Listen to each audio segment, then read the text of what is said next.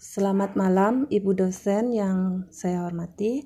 Malam ini uh, saya akan mencoba untuk memberikan ulasan mengenai materi hakikat penelitian. Uh, cara memenuhi rasa ingin tahu manusia yaitu ada dua.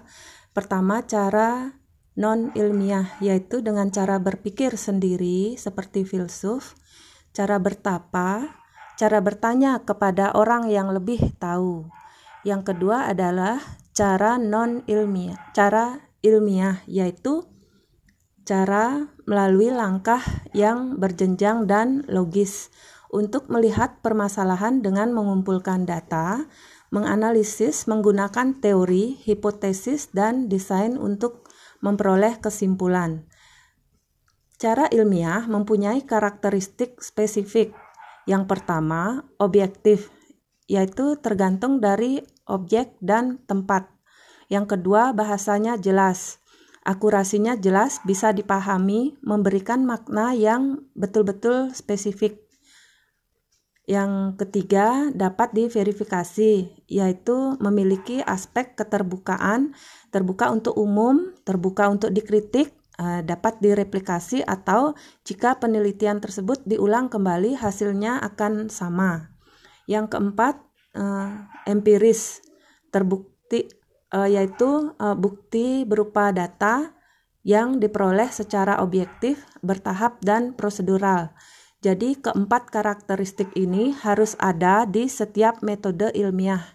Dengan kata lain, metode ilmiah produknya adalah penelitian. Cara membedakan metode ilmiah dengan metode non-ilmiah yaitu um, yang pertama, metode ilmiah permasalahannya harus dirumuskan secara jelas, spesifik, jelas variabelnya dan jelas apa yang diteliti. Sedangkan metode non-ilmiah permasalahannya tidak jelas, uh, bersifat umum uh, dan sumir. Yang kedua, metode ilmiah jawabannya harus didukung dengan data, sedangkan metode non ilmiah jawabannya jawabannya eh, apa pun jawabannya tidak perlu didukung oleh data. Eh, yang ketiga, metode ilmiah eh, ada proses pengumpulan data, analisis data dan penyimpulan harus dilakukan dengan logis Sedangkan metode non-ilmiah tidak ada proses pengumpulan data atau analisis data meskipun uh, terakhir ada proses penyimpulan. Uh, kemudian pada metode ilmiah kesimpulannya harus siap diuji jika ada pihak yang meragukan.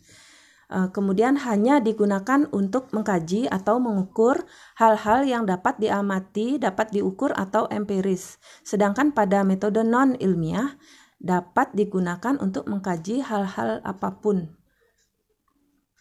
Uh, ada kemudian tipe penelitian. Tipe penelitian ada tiga yaitu tipe dasar, tipe terapan, dan tipe evaluasi. Yang pertama tipe dasar, yaitu e, hasil penelitiannya belum dapat digunakan secara langsung oleh manusia.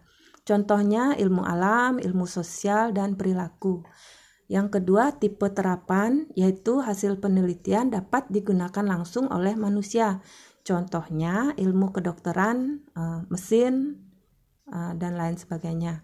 Yang ketiga, tipe evaluasi, yaitu Hasil penelitian dapat dipraktekkan pada daerah tertentu saja karena hasilnya berbeda jika digunakan pada daerah yang berbeda.